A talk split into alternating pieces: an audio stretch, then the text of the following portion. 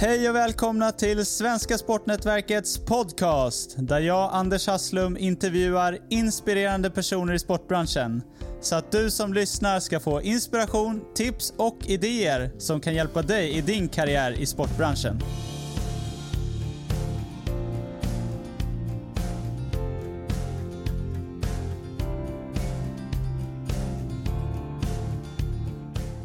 Okej, då är det fredag. Jag sitter här med Abel Abraham, eh, CSR-ansvarig på Hammarby Fotboll.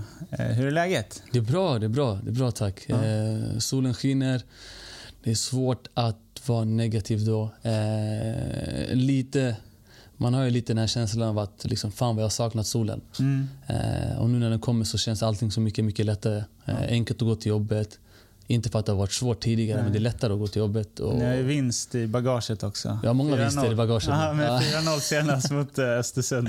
Exakt. Men vi har haft en bra period nu också, så det är kul. eh, Det är kul för alla. Det är kul för, för spelarna, det är kul för kontoret eh, och liksom för su- supporterna. Mm. Och känna, vi hade kanske en liten skakig start, men internt så tror vi alla stenhårt på det vi gör. Mm. Så det var bara en tidsfråga när det ska börja lyfta. Eh, Så jag hoppas att det håller i sig helt enkelt. Ja. Annars är det bra. Det är Ja, lugnt. Härligt, härligt. det brukar för övrigt alltid vara sol när vi kör podd här. Är det så? Eller det har varit de eh, två gångerna innan i alla fall. Ja, det är Så, alltid. Ni borde köra poddar oftare ja, då? varje dag typ. Varje så dag. då kommer alltid vara sol. Ja, ja. Till och med mitten på december. Jag är så trött på, den här, på, på vintern, alltså Ja. på mörkret. Så det är skönt att det... Förra året var det ju eh, alltså sommarvärme Mm. hela maj tror jag. Ja, det var det va? Ja. Sommaren kom ju direkt typ. Ja, man får en sån här sommar igen så, åh, som förra året. Då, Mm. Men det var ju ingen, eh, ingen vår alls typ. Det var Nej. sommar direkt. Jag tror att vi börjar gå åt en, Det känns lite som att eh, årstider håller på att suddas bort. Alltså, Våren är inte lika lång som den har varit och höst och ja, du fattar. Ja. Och vi ska inte surra väder och vind och allt sånt där. Utan eh, vi ska prata om dig och ditt arbete med Hammarby. Mm. Du får gärna berätta om din eh, bakgrund. Eh, det är alltid lika svårt när man ska berätta om vem man är. Jag, ja, men Abel Abraham, är, fyller 32 i år, eh, 87. Eh, född stockholmare, född och uppvuxen i, i Rinkeby faktiskt, så jag är inte så, det är inte så långt härifrån. Eh, bodde i Rinkeby mina, kan det vara mina 20 första år. Mm. Eh, sen flyttade jag till, till Östergötland, eh, närmare bestämt Norrköping och pluggade. Mm. Pluggade på Linköpings universitet, bodde där i fem år. Eh, och sen flyttade jag hem efter de åren och eh, i stort sett sen dess har jag bott i bor i Bredäng nu Mm. eh, med eh, sambo och två barn. Så det är väl lite det, förutom det här lilla den här lilla avstickaren till Östergötland så har jag spenderat ja, hela mitt liv i, i den här staden Ja. eh, som jag håller varmt om hjärtat. Så Ja. det, är- ja, det var kul, var roligt. Ja. Eh, ja, annars utöver det, vad finns det mer att säga? Jag, eh, ja, stor, alltså, stor familj, mamma, pappa, tre syskon. Eh, kommer ursprungligen från Eritrea. Eh, ja, finns det mer att säga? Ja, vi kommer nog komma in på Ja, det vi kommer senare. in på det, exakt. Vad pluggade du i Linköping? Läste- Eller i Norrköping, Ja. men på Linköpings universitet. Jag läste, en, jag läste först en kandidat som hette samhälle och kulturanalys. Eh, mycket samhällsvetenskap och ja, beteendevetenskap och, och så. Eh, och sen så läste jag en master som hette ah, kultur och media. Eh, mediegestaltning ungefär. Mm. Eh, så, så det blev fem år totalt. Eh, hade, hade underbara år. Eh, håller liksom... Eh, beslutet att dra dit, Mm. till Norrköping. Jag hade aldrig varit i Norrköping. Nej. Jag hade aldrig satt min fot i Östergötland. Så beslutet att åka dit var mest... Eh, jag har alltid varit en sån här person som gillar att testa nya saker. Och, Mm. eh, har aldrig, jag har aldrig riktigt varit rädd. Eh, så jag kände bara, fick bra bara magkänsla. Kände Mm. Norrköping är någonting för mig. Drog dit. Eh, kan ha varit det bästa beslutet jag tagit i mitt liv. Mm. Eh, underbara år. Eh, håller, jag håller Peking eh, fortfarande väldigt varmt om hjärtat. Eh, jättemånga vänner som bor kvar. Så, Mm. nej, ja, underbar tid i livet, verkligen. Ja. Eh, ville du jobba med sport då? För att eh, det var inte riktigt sportinriktade mm. utbildningar, eller? Nej, alltså grejen var att jag tror, när jag sökte utbildning så var det mer att jag ville ha ganska så tvärvetenskapliga utbildningar. För jag visste inte riktigt vad jag ville göra, men jag visste vad jag var, vad jag var intresserad av. Mm. Eh, jag är, har alltid varit väldigt intresserad av samhälle, eh, samhällsutveckling, samhällsfrågor. Mm. Eh, och då kändes det här som en ganska skön och naturlig plattform för att liksom ut, utveckla de delarna helt enkelt. Och så kände jag lite att amen, jag får ta det som det kommer lite. har alltid varit, liksom, jag har alltid varit sportintresserad. Mm.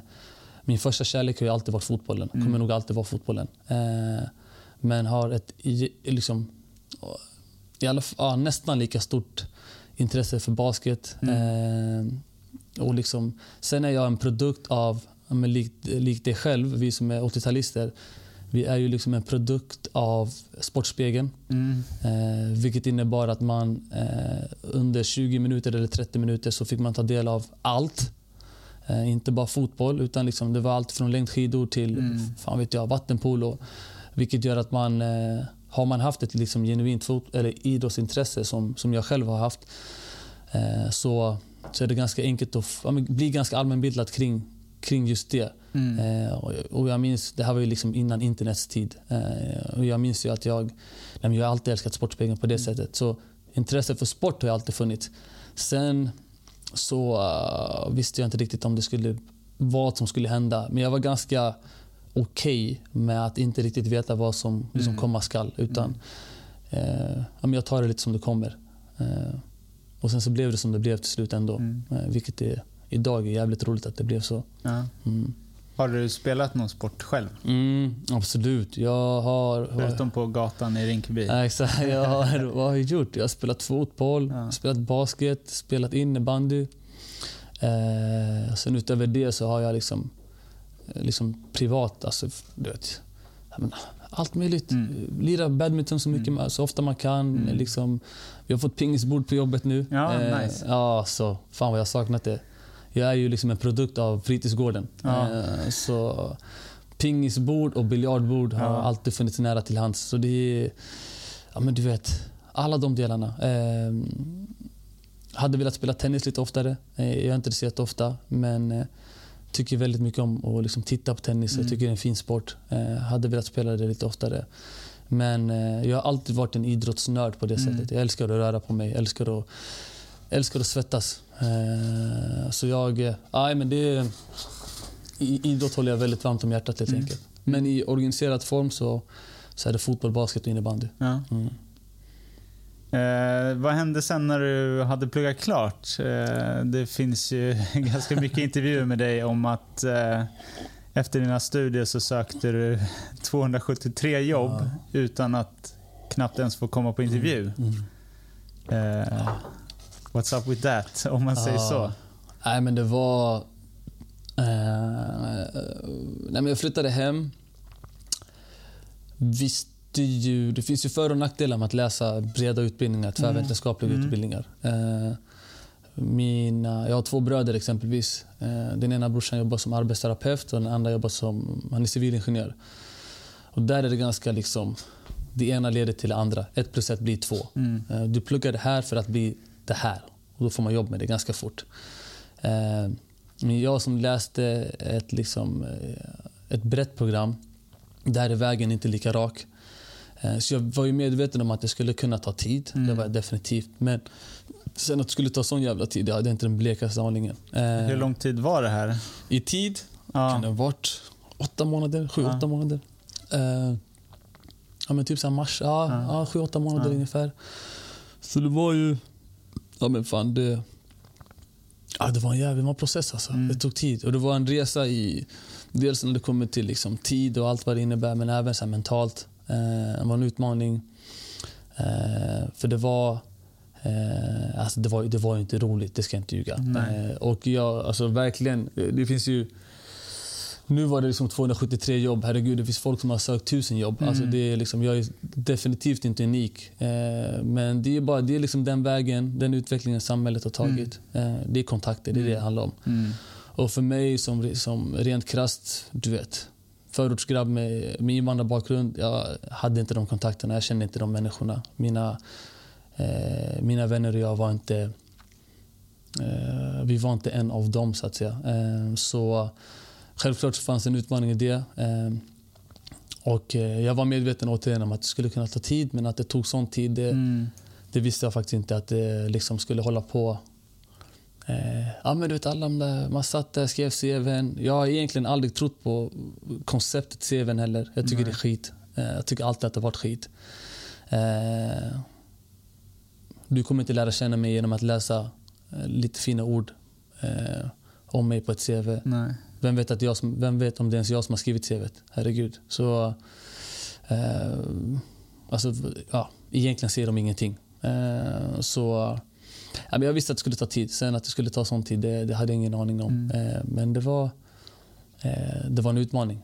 Jag ska inte ljuga. Det var, det var, ganska, det var mentalt utmattande Ja. eh, och, ganska, och väldigt frustrerande. Det var jag. Så hur motiverade du dig att fortsätta? Liksom? Jag, jag, alltså jag tror någonstans... Jag, eh, jag brukar skämta med min, eh, med min sambo och säga att jag...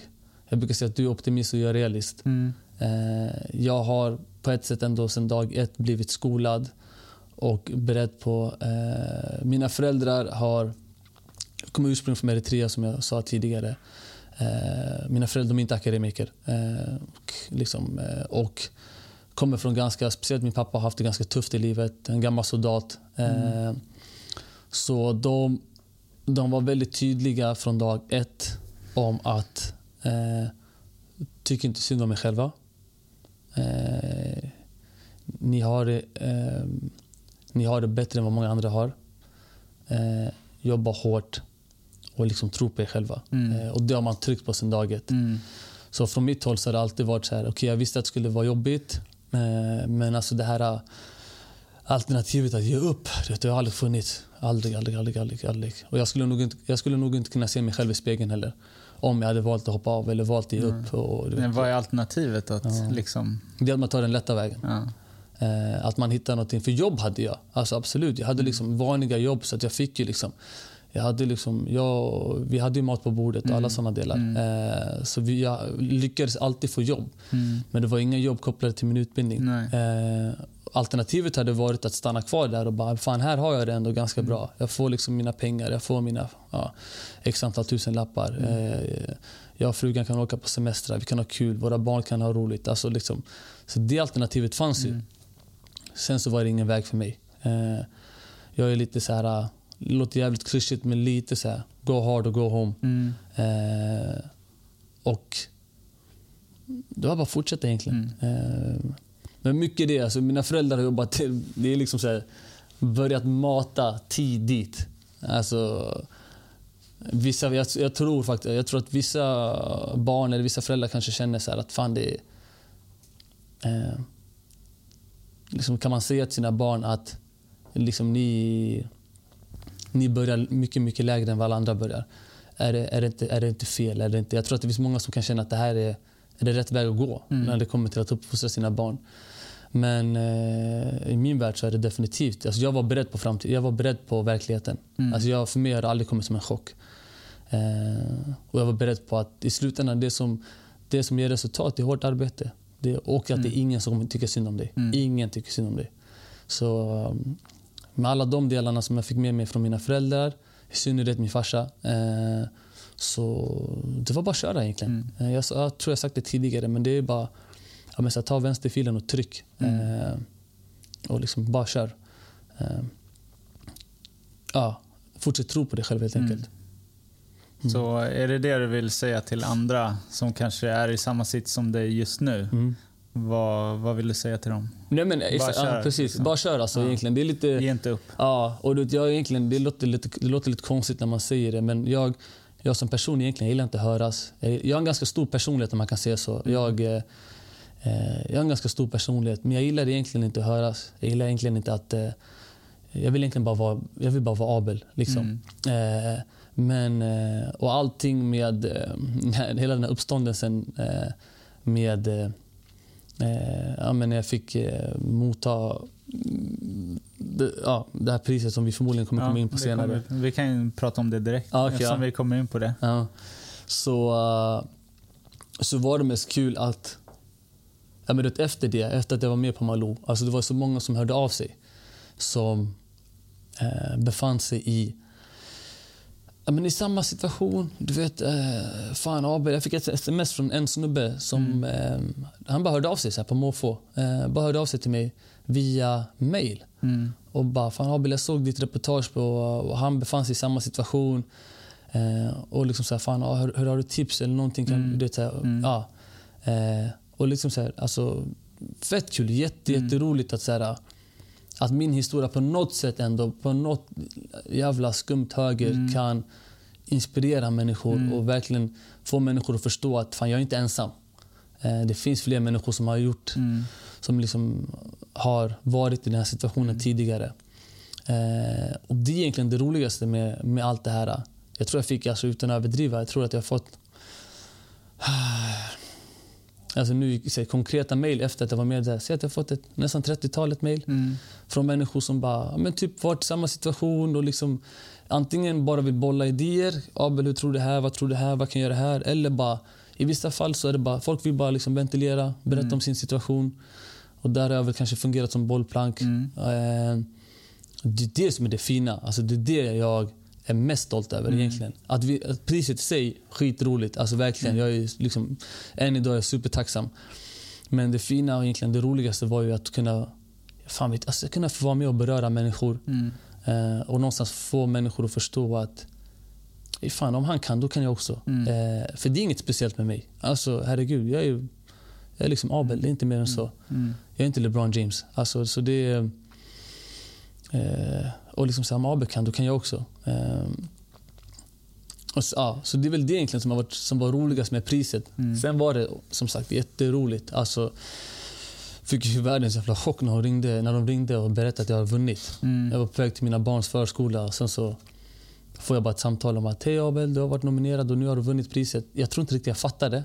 Eh, för de som inte vet, mm. vad är det för pris du vann? Eh, jag fick eh, pris som årets revanschist, Anders Karlberg, grundaren av Fryshuset. Så det är ett årligt pris som går till lite olika individer. Mm. Och ja, men jag, var, jag var bara allmänt chockad. Mm. Liksom, hur fan hittade ni mig? Mm.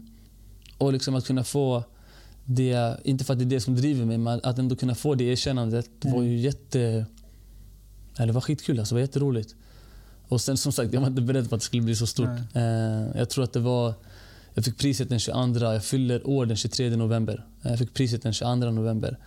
Så de två dagarna så tror jag att jag var Sveriges hetaste man på Facebook. eh, var hur mycket som helst. Det var liksom... Eh, det var sms och det var samtal och det var ja. dittan dattan. Jag var inte beredd på allting. Nej. Men eh, var ganska överväldigande. Men alltså, det var skitkul. Det var jätteroligt. Och det, ja. det har egentligen bara öppnat upp dörrar. Eh, för mig eh, i, min, liksom, eh, i min yrkesroll. Mm. Eh, och nej, alltså. Jag jobbar, ja, liksom Fryshuset. Det finns ingen människa som inte känner till Fryshuset i Sverige. Så det har varit, nej, det var grymt. Alltså, vi jätte, fortfarande nu när jag tänker tillbaka, det var fan ett halvår sedan. Mm. Men fortfarande tycker jag att det var, nej, det var kul. Det var jävligt roligt. Ja. Ja. Så, ja kunna vara med och beröra mm. människor. Liksom. Ja. Mm. Det är det du jobbar med idag i din roll också. Mm. Som jag tänker vi pratar mer om lite senare. Men eh, eh, Du fick ju till slut jobb. Mm. Eh, berätta om det. Vad, vad var det för jobb du fick? Jag sitter, en dag sitter jag hemma. Eh, sitter hemma och söker jobb. Så får jag ett samtal från en kompis. Mm. Eh, en polare, Manne.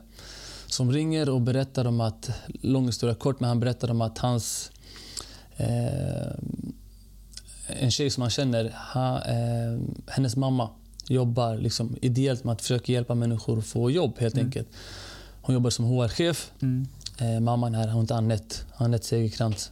Eh, och så säger mannen till mig, hörru, jag pratar med, skickar ditt CV till Annette. Där och då var jag lite, ah, mannen det räcker. Mm. Kände jag lite. kommer inte leda till någonting där. Mm. Men jag hade inget att förlora. Nej. Så jag drog, ut, drog iväg ett, ett CV till henne. Eh, hon hör av sig efter typ två dagar och bara “Hej Abel”. Bara det att hon hör av sig var en mm. chock. Jag hade inga förväntningar alls. Eh, Det var inte många som Nej. svarade innan. Nej, precis. Och sen har jag alltid, jag som person är lite så här, jag, eh, jag, ska inte säga, jag ska inte säga att jag inte litar på folk, för det gör jag. Men jag har... Eh, Lite reserverad kanske? väldigt, ja, exakt. Eh, jag har en, liksom, en, en inre krets vänner som jag håller liksom väldigt, väldigt varmt. Eh, men eh, man kan inte ha förväntningar på folk du inte känner helt enkelt. Eh, så jag trodde inte hon skulle höra av sig, men hon hörde av sig. Eh, och där och då så skrev hon och sa alla de rätta sakerna. Eh, hon liksom berömde mig för mitt CV och tyckte att jag hade jättebra meriter och allting. Och grejen var att alla de här sakerna visste jag egentligen. Jag, vet, jag visste att jag hade ett bra CV. Jag visste, jag jobbat sedan jag var 13 bast på olika sätt. Eh, så jag vet ju om att eh, jag har ett fint CV. Jag har gjort många olika saker. Men det var där och då och det här var liksom så här, min sambo har pushat mig. Hon har sagt till mig liksom, Abel du är grym, du är grym. Mina syskon, min familj, mina vänner. Men det var så skönt att höra det från någon som inte behövde säga det. Min sambo måste säga, även om, men, även om hon menade till 100% så måste hon säga Abel du, du är grym. Men Anette behövde inte göra det. Nej. Och hon sa de rätta sakerna för mig där och då. Eh, och hon bara, men fan hörru, så frågade hon bara så högt, Abel, Abel om du, vad vill du jobba med? Dröm stort liksom. Och det var också en sån här grej, dröm stort. Ja. För om det är någonting samhället är bra på, det är att eh, förminska eh, barn och deras ambitioner. Eh, jag skulle nog säga, för det handlar oftast också om att få barn att våga tro. Ge, dem, alltså ge barn möjligheten att drömma, våga drömma. Eh, många av de här barnen, och jag tänker inte göra det här till någon liksom så här, liksom förorten-grej på det sättet. Men många barn som växer upp i de här områdena, de har ingen som säger till dem, våga dröm lite. Mm. Vad vill du bli? Och när, när barnen säger jag vill bli taxichaffis, det är inget fel alls med att bli taxichaffis. Men, liksom, det, är verkligen, det vill jag verkligen säga, men du kan mer. Mm. Och det är ingen som ställer de här kraven på barn. Det är ingen som säger "Jo, du kan bli mer än en taxichaffis bara. Du kan bli advokat, eller du kan bli läkare, du kan bli vad fan som helst. Och folk må, måste, de här barnen måste få höra det. Mm. För får de här barnen möjligheten att bara, fan jag, jag är grym alltså, tidigt. Mm. Du, vet, de, kommer, de kommer explodera. De kommer lyfta så jävla mycket. Och för mig som var 30, nej, jag var inte 30, jag var typ 24, 25 när jag kom i kontakt med Anette. För mig som 24, jag, är ju fan, jag var fan vuxen då. Mm. Och få höra de här sakerna. Jag vet själv vad det betyder för mig. Och kan man se de här sakerna till en unge som kanske är 8, 9, 10 och redan tidigt börja med de här sakerna så tror jag definitivt att vi skulle ha ett bättre samhälle. Mm. Liksom, eh, men ja, via Anette i alla fall. Eh, hon frågade mig liksom, dröm stort Abel, vad vill du bli? Och då sa jag till henne, bara, men jag skulle kunna tänka mig att jobba inom det här, det här, det här. Drömmen hade varit att jobba inom idrott, sa hon till mig. Eller sa jag till henne. Eh, och då bara, okej vet du vad, jag har, en, jag har en kontakt som jag kanske... Och det som är, via Anette så fick jag träffa en kvinna som heter Åsa. Eh, som jobbade som kommunikationschef på SPP på den tiden. Pensionsföretaget SPP. Så via Anette fick jag träffa Åsa eh, Wallenberg och via Åsa så fick jag träffa Madeleine Ökvist som där och då jobbade på marknadsavdelningen på SEF, Svensk Elitfotboll. Och då frågar, pratade vi lite med Madde och Madde bara, fan vet du vad? Och SEF sitter ju under Svenska fotbollsförbundet. Mm. tror att de satt under på den tiden.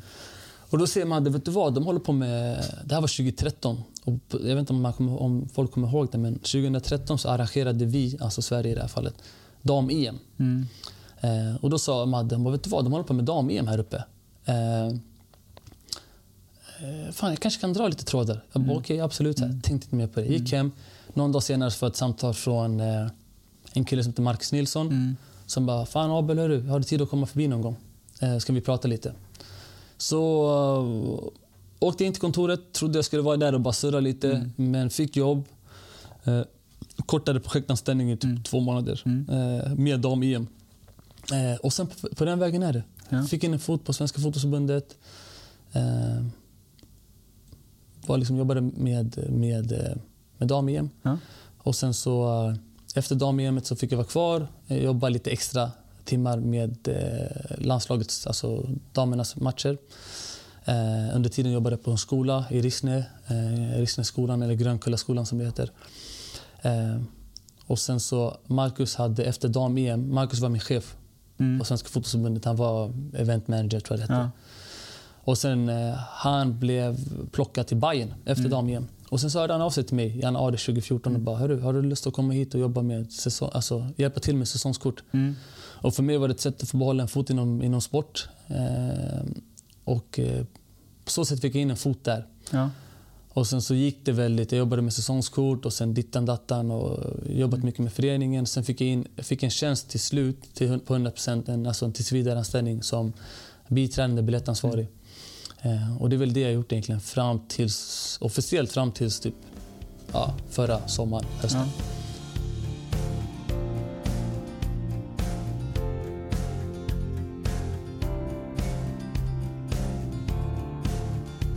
Ja, då är vi tillbaks efter pausen. Eh, Du berättade att du eh, fick fastanställning på Hammarby och eh, du jobbade med biljettförsäljningen där. Mm, precis. Vad hände sen? Nej, men eh, det var väl egentligen så att jag, när jag hade... Eh, I samband med att jag började jobba för Bayern så blev jag presenterad för en del i vår verksamhet där vi bland annat bjuder in barn till vissa matcher under året. Eh, det här var precis när jag började jobba. Och ja, min kollega Daniel frågade mig Fan Abel, jag har mycket på mitt bord. Skulle du vilja ta det här? Liksom? Mm. Och jag kände direkt, ja, absolut, 300 procent. Eh, här finns det väldigt mycket, väldigt mycket vi kan utveckla, i- väldigt mycket potential. Mm. Eh, jag är inte som person, men som många andra av oss i det här samhället så är vi väldigt här, amerikaniserade. Jag kollar väldigt mycket på amerikansk idrott. Mm. Eh, mycket NBA, eh, även NFL. Väldigt mycket NFL. Eh, och, eh, du vet, där har man jobbat med de här frågorna kopplade till ja, samhällsnytta. Mm. Eh, I, fan, fan vet jag, men väldigt, väldigt länge. Mm. Eh, och där har det egentligen handlat om att de via olika saker, ja, men det kan vara allt från sjukhusbesök till att, ja men ni vet. Ja. Eh, och jag har hela tiden känt att fan, vi i Sverige måste också jobba med de här frågorna. Och även om de i USA kanske har andra typer av de har andra förutsättningar, andra resurser. Herregud, de eh, hostar, de, liksom, de nyser ut 200 miljoner medan Mm. vi, inte ens hela Bayern omsätter så mycket pengar. Men, eh, så de har helt andra förutsättningar. Eh, men det, det behöver per automatik inte betyda att vi inte kan göra någonting. Så jag har hela tiden känt att här finns det väldigt mycket potential. Eh, det här var 2013, 14, Mm. 14 ungefär. Eh, 14, tidigt 15 där. Och för mig, nu jobbar jag för Hammarby fotboll och har gjort det i fem år. Jag är inte född bajare. Eh, och jag tror att jag liksom inom, inom citationstecken vunnit ganska mycket på att inte vara född bajare. Mm. För jag har kommit in med ganska färska, färska ögon. Jag har hela tiden känt att eh, min uppfattning var att vi pratade om oss själva som söderortslag. Vilket vi egentligen är, eh, men ändå inte. Så kände jag när jag började Mm. jobba. För jag kände lite så här... ja, Men på, absolut att vi är Södermalmslag. Verkligen, absolut. Alltså, det går inte att missa att det är grönvitt på Söder. Mm. Det går inte. Eh, och det är grönvitt i liksom söder om Söder också. Men det räcker inte bara med att säga men vi är söderortslag. Det räcker inte riktigt. Eh, för det det handlar om i slutändan eh, det är att ja, men vad gör vi i de här områdena? På vilket sätt finns vi? Mm. På vilket sätt är vi där som liksom aktör och visar upp oss och visar upp vår verksamhet och visar att vi genuint bryr oss om Mm. de som bor där. Mm. Och där har jag känt att vi har varit offside. Och det är många som har varit offside, men jag känner att vi har varit offside. Eh, och känt att här, vi, har gett, vi, vi måste finnas här. Mm. Vill vi växa som klubb, Mm. vill vi växa när det kommer till liksom, allt ifrån publikrekrytering till att... Liksom, ja, för det det handlar om egentligen det är att utöver att göra bra saker för människorna i vårt närområde så handlar det egentligen om att försöka ladda vårt varumärke, i det här fallet Bayern med så mycket värme som möjligt. Mm. Eh, för vi har en gigantisk kraft. Alltså nu, du som ändå är insatt i fotboll. Bayern idag är inte alls vad Bayern var 2011. Det är två helt olika klubbar, Mm. två helt olika föreningar. Så, och även om vi idag utvecklats till den grad att vi liksom på allvar ändå ses som en av de stora drakarna inom svensk fotboll. Så tycker jag, jag tycker fortfarande att vi bara snuddat på den potentialen som vi har. Mm. Så i min värld, alltså du vet, ge det här, ge det här 5-10 år.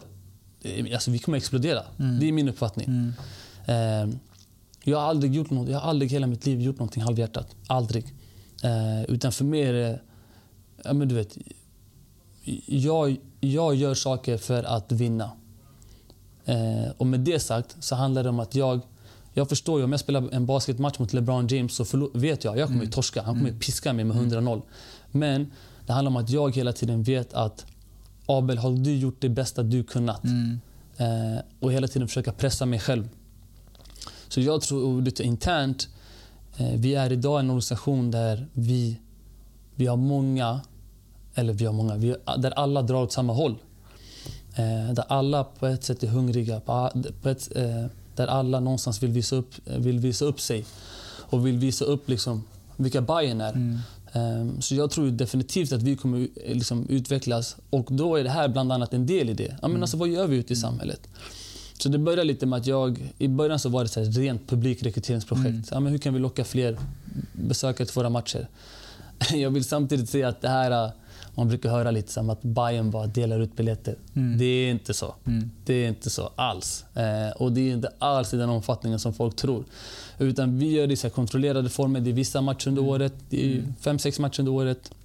Lågriskmatcher.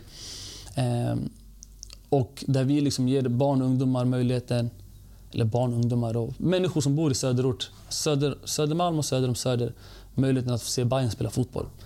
Fotboll har ju varit en arbetarklassport. Det är inte det på samma sätt längre. Det kostar att spela fotboll, det kostar att titta på fotboll.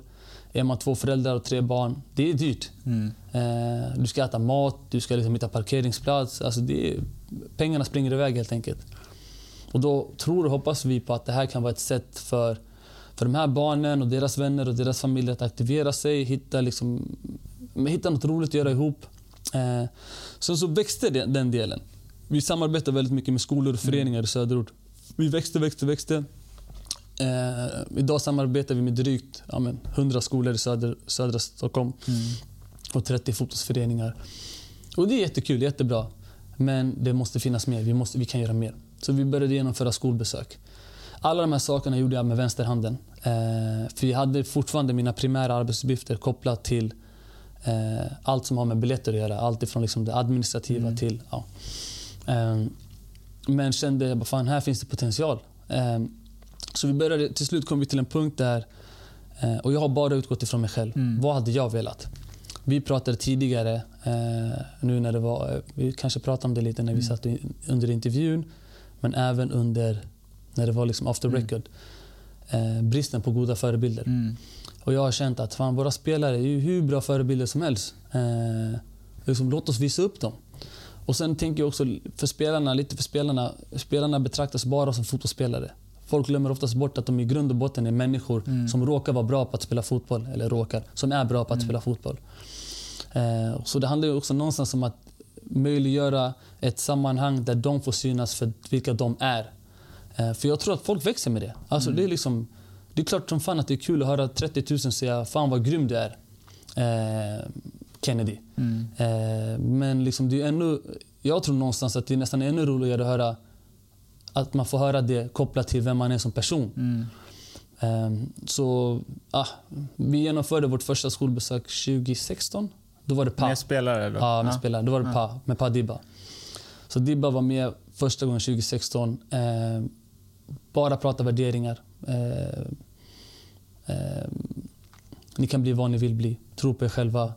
Eh, och det är egentligen saker som både du och jag kan säga. Men vet, om jag skulle gå upp och bara “grabbar, ni kan bli vad ni vill, tro på er själva”. Du kommer ju höra någon nisse längst bak som bara “jag håll käften”. Alltså lite så här. Men om Padiba kommer eh, och pratar om de här frågorna. Herregud, vad har gjort? Pa har varit med på flera skolbesök. Gillewan Hamad Gille var med på jättemånga. Vi har haft liksom Olga Ekblom, KattisDas. Vi har haft jätte... Ellen Gibson. Vi gör det med både här och dem. Mm. Eh, det är liksom ja, eh, blir liksom naturligt för oss. Mm. Eh, vi gjorde tio stycken förra året. Så grejen var att det som hände till slut var att alla de här projekten blev större och större. Mm. Eh, vilket till slut gjorde att vi kom till en punkt där vi kände här finns det så jävla mycket potential. Liksom, låt oss trycka play och, och köra, liksom, verkligen göra det här mm. helhjärtat. Eh, och allt det här, tidigare så låg det under namnet eh, jätteosexigt namn, men Linjeprojektet. Skittråkigt, mm. men det var så det hette. Tänkte eh, de eh, tunnelbanelinjen? Exakt, ja, ja, precis. Ja. Det hette Gröna linjen i början. Ja. För att vi rörde oss mycket på Gröna linjen. Men sen så kände jag hela tiden, vad fan, vi, Bayern, fin, Bayern ska finnas på... Bayern finns ju mer på fler ställen än bara Ja. Gröna. Ja. Vi finns liksom i Norsborg, vi finns i, i Jordbro. Eh, så jag gjorde det enkelt och bara, men jag tar bort Gröna så länge, så kommer jag på något nytt namn. Jag kom inte på något nytt namn. så det fick heta linjeprojektet bara. Men, eh, eh, ja, men då blev alla med och då var det så här, då kom vi till slut en punkt att okej, men nu kör vi det här till 100%. Eh, och då skulle jag lämna biljettavdelningen och jobba med de här frågorna till 100%. Och I samband med allt det här så paketerade vi om det vi, eh, det vi gjorde ute i samhället eh, och det var då vi lanserade Samhällsmatchen Mm. som är liksom samlingsnamnet för alla de här initiativen vi gör. Mm.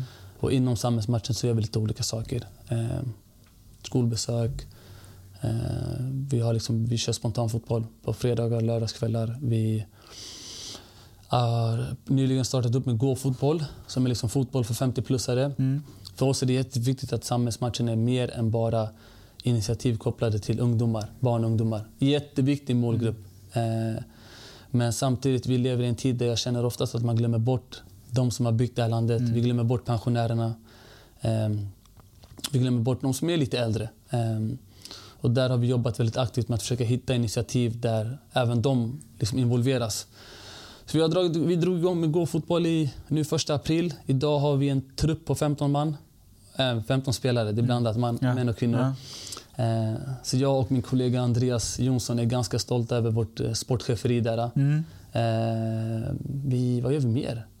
Vi, har ett ganska omfattande integrationsprojekt där vi har fått medel från Länsstyrelsen för att jobba aktivt och försöka involvera 50 asylsökanden och försöka sysselsätta dem på olika sätt.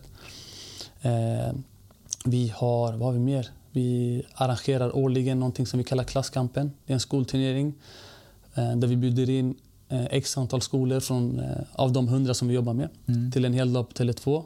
Vi arrangerade vår senaste klasskampen nu i tisdags. Hade 132 barn på plats. Um, har vi mer? Vi har ganska mycket olika. Och sen har vi det vi kallar. Exakt, Ja. precis. Karriärdagen. Ja. Ehm, arrangerat än så länge två karriärdagar. Ehm, den första var mot människor mellan 18 till 30. Då hade vi 82 deltagare, 17 fick jobb. Ehm, och vårt, vi genomförde den andra karriärdagen den, eh, vad blir det, i början på februari och då var fokus 50-plussare. Ehm, där vi hade 160 besökare. Ehm, vi vet än så länge inte hur många som har fått jobb. Mm. Vi håller på med utvärderingsarbetet. Och sen har vi, eh, vi har ju officiella, vi, vår officiella huvudpartner eh, till samhällsmatchen är Stena Fastigheter. Så tillsammans med Stena Fastigheter så arrangerade vi någonting som vi kallar Sommarjobbsmässan. Mm. Stena Fastigheter eh, jobbar utifrån att försöka ge de som bor i deras områden sommarjobb. Fisksätra. Bland annat Fiskis. Exakt, bland Min annat hemort. Precis, precis. Eh, och då är det... De får in ungefär 200 ansökningar per år, men de kan bara ta emot 100. Mm.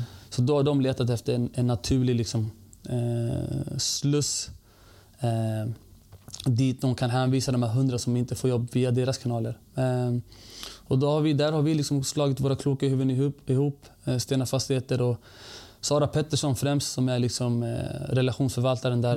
Eh, grym tjej. Som, eh, ja, men vi har ett koncept här som funkar med karriärdagen. Ni har det här som funkar. Ska vi kanske arrangera en sommarjobbsmässa tillsammans? Så vi, 4 april nu i år så arrangerade vi en sommarjobbsmässa på Tele2. Eh, Vi hade 287 besökare på plats och vi håller just nu på att vi jobbar just nu med utvärderingsarbetet.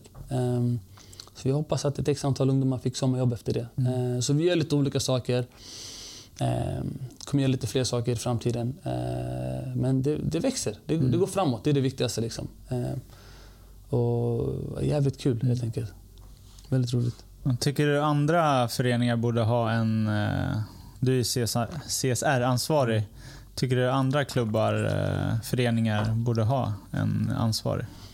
Jag tror att idrott och eh, föreningslivet har en gigantisk kraft.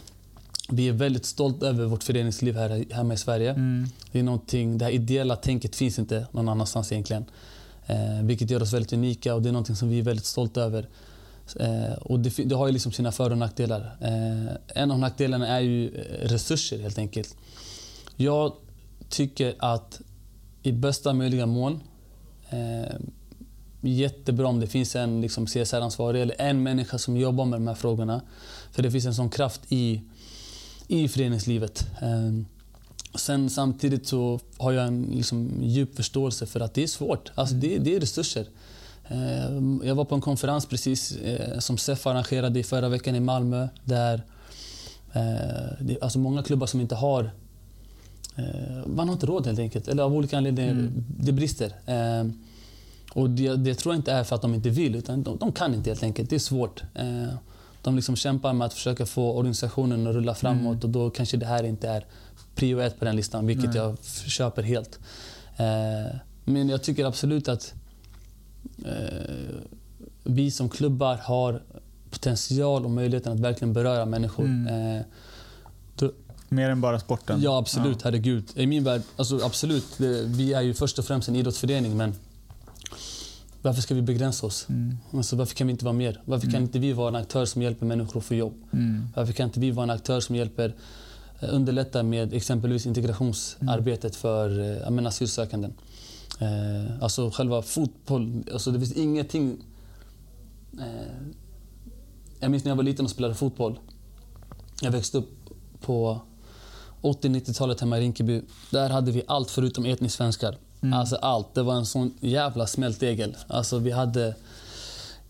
Ja, du vet. Det var allt. Det var liksom kurder, det var turkar, det var somalier, det var chilenare, det var allt möjligt. Mm. Men på fotbollsplanen så var vi var alla lika. Mm. Det var liksom, här är vi här är vi alla mm. lika. Eh, och det, finns, det är något unikt. Det där är unikt när det kommer till... Där är idrotten unik. Eh, det är liksom en, en plattform mm. där, där alla kan få synas, alla kan få höras. Eh, som integrationsverktyg. Du vet, allt ifrån... Alltså jag minns när vi var små och åkte på bortamatcher. Jag minns att vi var i Åkersberga en gång. Mm. För den som kan sin Stockholms geografi så vet man att Åkersberga är en bit ifrån Rinkeby. Komma dit och spela gräs komma dit och se skog. Ja. Du vet, det var så här, vart fan är vi? Du vet, och vi var lite yngre så vi hade ingen riktig tids, eh, eh, tidsuppfattning på Nej. det sättet. Vi trodde att vi hade suttit i en bil i 15 timmar. Mm. Men, eh, och liksom bara det, komma ut, se något ja. annat, se något ja. nytt. Det var det som var... Det är det jag saknar idag mm. som, som liksom en vuxen tvåbarnspappa. Det är bortamatcherna. Mm. Åka ut, se, träffa kompisar. Mm. Så vi har ju alltså, oändliga möjligheter. Eh, karriärdagen är ett jättebra mm. exempel på det. Inget ont om Arbetsförmedlingen, men det är ganska vad jag tror att liksom, allmänheten uppfattar som en ganska tråkig institution. Mm. Eh, jag tror inte att det är någon som gör kullerbyttor när de hör Arbetsförmedlingen. Så när Arbetsförmedlingen själva ska arrangera de här mässorna mm. så kanske det inte är någonting som, där man säljer slut på alla biljetterna direkt. Nej. Men om Arbetsförmedlingen och en aktör som människor sympatiserar med i det här fallet gör någonting tillsammans mm. så finns det någonting annat som kan dra människor mm. till det här. Eh, och där tycker jag vårt samarbete med Arbetsförmedlingen är ett mm. jättebra exempel. Ja. Eh, så i min värld har jag aldrig förstått varför vi bara ska begränsa oss till att, till att bara jobba med fotboll. Eh, det är det vi gör. Vi är primärt en fotbollsförening. Och det ifrågasätter jag inte alls. Men varför ska vi mm. bara begränsa oss till det mm. när vi kan göra så mycket, mycket mer? Mm. Um, Idrotten är väl lite CSR i sig? Det är alltså, världens största CSR-arbete. Precis. Ja. Så även om man eh, känner att man kanske inte har resurser att ha mm. just en ansvarig så gör man ändå jättemycket. Definitivt. Så, ja, verkligen. Eh, det, sägs, eh, det är många som säger att CSR är en intäktsmöjlighet. Mm. För att företag kanske väljer att sponsra ett, ett av era projekt och sådär. Mm. Håller du med? Ja, absolut. 100 procent. Mm. Definitivt. Är bara att ta Stena Fastigheter som exempel. De sponsrar ju samhällsmatchen, de sponsrar inte Hammarby Fotboll. Nej. Så det finns definitivt. Och jag och mina kollegor har ju trott stenhårt på att det, det, går att sälja. Förstå mig rätt, nu låter det som att vi bara försöker kapitalisera på allting. Men det går att sälja CSR-arbete. Mm. Företag vill associeras med bra saker. Mm. Eh, och liksom, I min värld, absolut. 300 procent. Mm. Verkligen. Mm. Och jag tror definitivt att vi kommer dit mer och mer. För Det som är idag kontra för 20, 30, 40 år sedan det är att vi har en betydligt mer medveten konsument. Mm. Folk vet vart de konsumerar. Folk ja, vet vart de köper saker. Folk vet att jag tänker inte köpa den här tröjan i den här eh, hos det här varumärket för att det är en liten pojke i Eritrea som, har, som har gjort det för två kronor för en hel dag. Eh, och därför ska jag inte köpa. Så folk är medvetna på ett helt annat sätt idag. Vilket gör att de kan ställa krav. Ja. Ska jag konsumera, ska jag lägga ner mina pengar i det här varumärket så måste de jobba bland annat med såna här frågor. Vad gör de mer än bara ehm, Tjäna pengar. tjäna pengar? Eh, för det, återigen, lite som jag pratade om med fotbollsförening. Folk förstår att ett varumärke eh, måste generera pengar. Så folk förstår att, nu tar jag H&M som exempel. Folk förstår att H&M måste tjäna pengar. Eh, och jag tror inte att det är det som gör att människor eh, liksom känner att amen, eh, jag väljer att inte lägga, eh, lägga mina pengar här. Utan det blir ju lite det är mervärde. Vad gör H&M mer än att sälja kläder? Och idag så har vi kommit till en, en plats eh, där konsumenterna, mycket via liksom globalisering, internet, är betydligt mer inlästa. Mm, Eh, de vet vad som görs, de vet vad som inte görs. Och utifrån det så kan man ställa betydligt större krav på, på, på de olika aktörerna. Mm. Eh, så när det kommer till en sån grej, exempelvis, absolut att man kan sälja CSR-arbete. 300 procent. Mm. Det tror jag verkligen. handlar lite om hur man väljer att paketera det. Vad, ja, men det tror jag absolut. Mm. Det känns som vi skulle kunna sitta och Ja, prata hur länge som helst, men vi har inte jättemycket tid. Så jag tänker att vi kör eh, lite avslutande frågor. Mm. Eh, vad är ditt bästa tips till en ung tjej eller kille som vill jobba med sport? Eh, lite det vi pratade om innan, tro på er själva. Mm. Och samtidigt förstå att eh, det är en process. Det är en ganska liten bransch. Folk är inte jättebenägna om att flytta på sig. Så man får se det som en... Eh, det tar lite tid. Mm. Eh, men försök att skapa relationer, försök skapa kontakter. Försök få in en tå någonstans. Mm. Eh, och sen efter att du har pressat in din tå så försöker du pressa in foten. Efter foten, Mm. benet. Efter Mm. benet, kroppen och sen till sist huvudet. Mm. Det tar lite tid. Men jobbar du liksom ihärdigt eh, och ehm, jobbar du liksom på så, så kommer du lyckas till slut. Eh, så ja, det. Eh, Ja. Var ödmjuk till att det kan ta lite tid. Ja. Men eh, försök få in en fot någonstans. Och det kan vara, förlåt jag bara säga. Ja. Ett sätt att göra det kan vara att börja jobba ideellt. Ja. Det kan vara ett jättebra, Mm. jättebra sätt. Eh, internt på Bayern, vi är jättemånga som har kommit in typ ideellt. Mm. Eh, du vet, alltså vi är jätte, jättemånga. Kommit in på timmar. Mm. Det är jättebra början. Sen är det upp till dig att ta chansen när den ges. Mm. Så absolut, det är mitt tips. Om du fick ge ditt yngre jag ett råd, Mm. vad skulle det vara? Fortsätt göra det du gör. Mm. Eh, jag, har, jag är en, jag är en väldigt, eh, förstå mig rätt nu, jag är en väldigt ödmjuk kille. Eh, men jag har ett monster, ego, alltså inte ego, men jag har ett monster självförtroende. Alltså i min värld så är jag bäst. Eh, jag har sedan dag ett blivit pumpad med att du är kung Abel, Mm. du är grym. Utan att, utan att det har gett mig storhetsvansinne, Mm. men att säga du är grym. Mm.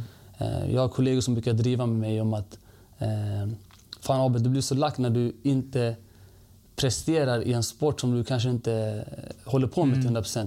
Men det är för att jag är min största kritiker. Jag är alltid sån. Ja. Jag ställer sjuka krav på mig själv. Jag skulle kunna åka skidor idag och tro att jag är Ingmar Stenmark. Alltså jag är en sån person. Ja. På gott och ont. Men jag tror att det här det är någonting som har drivit mig och min utveckling framåt. Eh, så det är väl det egentligen. Fortsätt tro på dig själv. Tvi, tvivla inte på dig själv. Nej. Har du något tips på en bok eller en blogg eller något som har hjälpt dig under din karriär hittills? Jag läste jättemycket böcker när jag var yngre. Sjukt Ja. mycket böcker. Jag älskar fortfarande läsa, men eftersom jag har småbarn så, så blir det inte lika ofta. Jag älskar att läsa romaner för att de ger mig möjligheten att komma bort, Mm. eh, drömma mig bort. Oftast till andra delar i världen. Eh, men nu så på rak arm, vad ska jag säga? Har du läst boken Shantaram? Nej. En bok, eh, jag tror heter Gregory Roberts. En sann berättelse om en man som eh, flyr från ett fängelse i Nya Zeeland, hamnar i Indien. Alltså, jag tror boken är typ 800-900 sidor. Oj. Och man får följa med i hans resa i Indien. Och egentligen det man märker när man läser den boken är att boken egentligen är en... Eh, för det händer jättemånga sjuka saker. Eh, men boken är egentligen en kärlekshistoria och en kärleksberättelse om hans relation till Indien. Han blir ju kär i Indien som land. Eh, så, alltså, det, han, han skriver så fint. Du vet, man tror, jag, jag tror att jag är i, i Indien. Ja. Eh, och du vet, alltså, bara, han är bara grym. Eh, Khaled Hosseini som har skrivit Flyga drake-böckerna. Eller Flyga drake och Tusen strålande solar. Och, och Bergen svarade. Eh, han eh, också liksom... Eh, han är afghan. Mm. Så han skriver böckerna utifrån... De utgår alltid från Afghanistan. Mm. Och Afghanistan är väl ett land som vi... Jag tror majoriteten i Sverige eh, liksom ja, likaställer med typ kaos, vilket det kanske är. Men han ger en annan bild av, av, av Afghanistan. Dels innan kriget, men sen under kriget och efter kriget. Jätteduktig på att beskriva miljöer. Så för mig som läsare, ehm, jag får ju känslan av att jag är där. Ja. Eh, så mer så, jag, helt ärligt, här, branschböcker, jag brukar inte läsa så mycket. Nej. Bloggar, eh, jag är som person ganska allmänbildad. Eh, och jag, jag utvecklas väldigt mycket av att liksom mentalt resa iväg. Komma till andra platser, andra miljöer. Och där, det är det jag älskar med böcker. Jag tycker, tyvärr så kan jag inte läsa lika mycket längre för att jag har barn. Men, eh, eller Får kan. börja läsa den här boken för den. dina barn. Ja, exakt. 800, 800 800 sidor. Det är en grym bok. Ja. Eh, Men typ de skulle... Ja. Eh, hur ser framtiden ut? Kör du vidare med Hammarby? Mm. Eller? Absolut. Ja. Ja. jag är inte klar där med Bayern. Nej. Så vi, lite som jag sa innan, vi har så mycket potential. Ja. Vi är på rätt väg och jag vill vara med på den här resan och liksom bidra med det jag kan. Mm. Så eh, nej, jag, i min värld, det är bara Bayern. Ja. Det är liksom det som är fokus och se hur långt det kan gå helt Ja. enkelt. Var kan man skapa kontakt med dig online? Man kan... Jag började följa dig på Twitter i förrgår tror jag. Alltså, ja, jag tror jag såg det. Jag såg det. Eh, alltså Twitter, det, Twitter? LinkedIn Twitter, kanske? LinkedIn kan man absolut. LinkedIn, man kan... Jag är ganska undercover på sociala medier. Jag Ja. försöker alltid oftast koppla till jobb. Eh, Instagram är så väldigt privat. Men. Eh, ja, men Instagram, Ja. Twitter, eh, förlåt, Twitter, LinkedIn. Ja. Eh, det är väl där egentligen. LinkedIn Mm. tror jag är bäst Ja. egentligen. Eh, det är bara att hojta till om man Ja. har något unda. Sista frågan. Vem tycker du jag ska intervjua härnäst? Bra fråga. Jag nu så här ska jag säga Beatrice Clark. Mm. eh, som är CSR-ansvarig på Svensk Elitfotboll. Dels för att hon är grym, driftig, grym, smart tjej. Ja. Eh, men hon har en historia att berätta också. Ja. Eh, hon har levt, så kan vi säga. Ja. Alla människor har inte levt, Nej. men hon har levt. Eh, och hon har tagit med sig den erfarenheten och de lärdomarna i hennes yrke. Mm. Så där tror jag absolut att det finns jättemycket, jättemycket att hämta. ja. Mm. Grymt. Verkligen. Tusen tack Abel. Anders, tack själv. Tack för att jag fick komma. Tusen jag tack. som ska tacka.